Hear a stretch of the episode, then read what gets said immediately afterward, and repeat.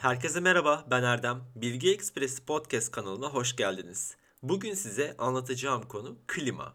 Kim tarafından bulundu, nasıl icat edildi, icat edilme serüveni dahil klima hakkında birçok şeyi bulabileceğimiz bir bölüm olacak. İyi dinlemeler.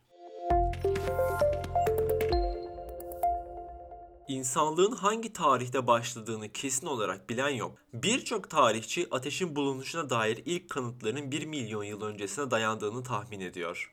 Diğerleri pişmiş yiyeceğe dair bulguları 1.9 milyon yıl öncesine dayandırıyor. Bununla birlikte insanlar ateş olmadan evrimleşemeyeceği için ikisinin birbiriyle bağlantılı olduğunu varsayabiliriz. Bugün ısınmanın tek yolu ateş yakmak değil ama türümüzün ortaya çıkışından bu yana soğuk iklimlerde yaşayabilmemiz ateş sayesinde mümkün oldu. Zemin altından ısıtma tekniğini geliştirmiş olan Romalılar 2000 yılı önce su kemerleriyle taşınan soğuk suyu yaşadıkları binaların çevresinden dolaştırarak odaların soğutmayı denediler. Bundan birkaç yüzyıl sonra Çinlilerin icat ettiği pervane 1700 yılı boyunca insanları serinletmenin en etkili yolu oldu.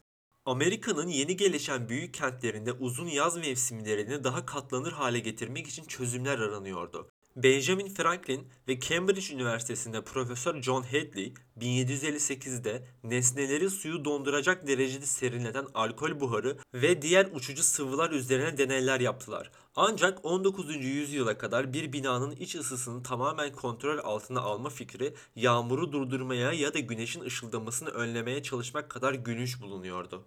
Cornell Üniversitesi'nin elektrik mühendisliği bölümünde genç bir öğrenci olan Willius Carrier, 1901 yılına mezun olduktan sonra elektrikli fanlar üzerine uzmanlaşmış olan New York'taki Buffalo Demir şirketinde işe başlamıştı.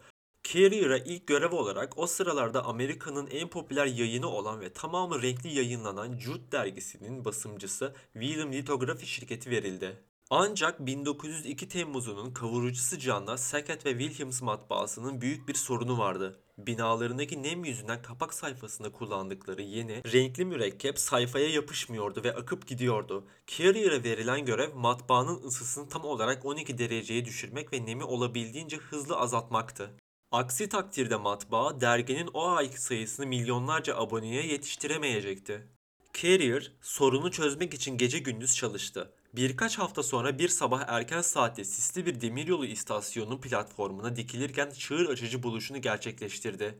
Mühendis sisin suyla doymuş havadan ibaret olduğunu biliyordu ve bir odada %100 nem yaratabilirse nemi tam istenen düzeye düşürebileceği miktarda kuru hava oluşturabileceğini fark etti.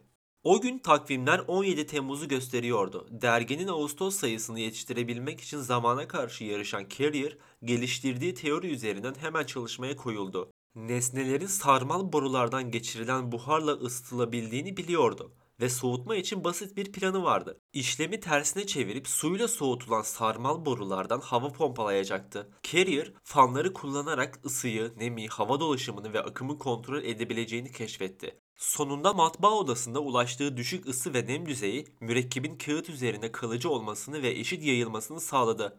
Amerikan halkı en sevdiği derginin gelecek ayki sayısını okumaktan mahrum kalmayacaktı. Carrier 1907 yılına gelindiğinde tasarımını geliştirmiş, sonraları klima mühendisleri tarafından sabit düşük çığ sıcaklığı yasası olarak adlandırılan buluşu gerçekleştirmişti.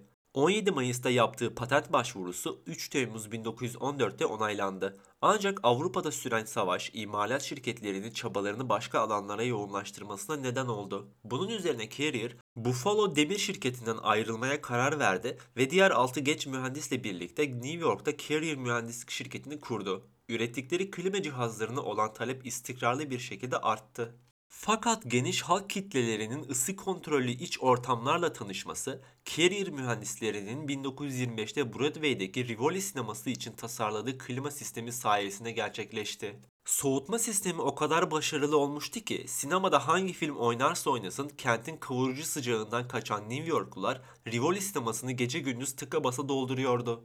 Ne yazık ki 1929'daki borsa krizi ve ardından gelen büyük buhran şirketin ilerleyişini sekteye uğrattı. Yine de Carrier 1937 yılına kadar New York'taki en büyük işveren konumuna gelmeyi başardı. Ancak Carrier'in icadının Amerika'nın çehresini değiştirmeye başlaması 1940'ların sonlarıyla 1950'lerde savaş sonrası ekonomik büyüme döneminde oldu. Sinemalar, lokantalar, fabrikalar, okullar, hastaneler, kamu binaları, alışveriş merkezleri, Orta Batı ve Batı kıyısı ile güneydeki tüm gelişen kentler Carrier'ın klimalarını peynir ekmek gibi satın alıyordu. Doğu kıyısında yaşayan milyonlarca insan klimalı ortamlar sayesinde daha önce yakıcı sıcaklar yüzünden uzak durduğu batı ve güney bölgelerine yerleşmeye başladı ve böylece ekonomik ve siyasi güç de yer değiştirdi. Eskiden Amerikan yaşam tarzını doğu kıyısındaki toplumlar belirlerken artık Dallas, Phoenix, Atlanta, Miami ve Los Angeles ülkenin en güçlü kentsel yaşam merkezleri haline gelmişti. Bugün Amerika'nın en büyük 10 kenti arasında doğu kıyısından yalnızca New York, Chicago ve Philadelphia yer alıyor.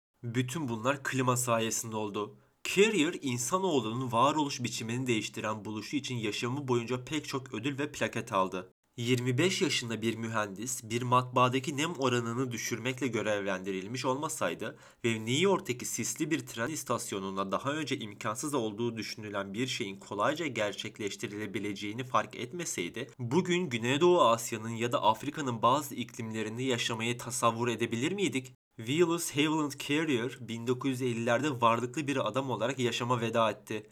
Adını taşıyan şirket 45 binden fazla çalışanıyla yılda 15 milyar dolarlık satış gerçekleştiriyor. Bu podcast bölümünde klimanın tarihini ve tarihi nasıl değiştirdiğini dinledik. Ee, sesim için kusura bakmayın. Bu bölümü kaydederken yeni yeni iyileşmiş oluyorum. O yüzden sesimdeki çatallanmayı maruz görmenizi isterim. Ee, bu bölümlük bu kadar. Bir sonraki podcast bölümünde görüşmek üzere. Hoşçakalın.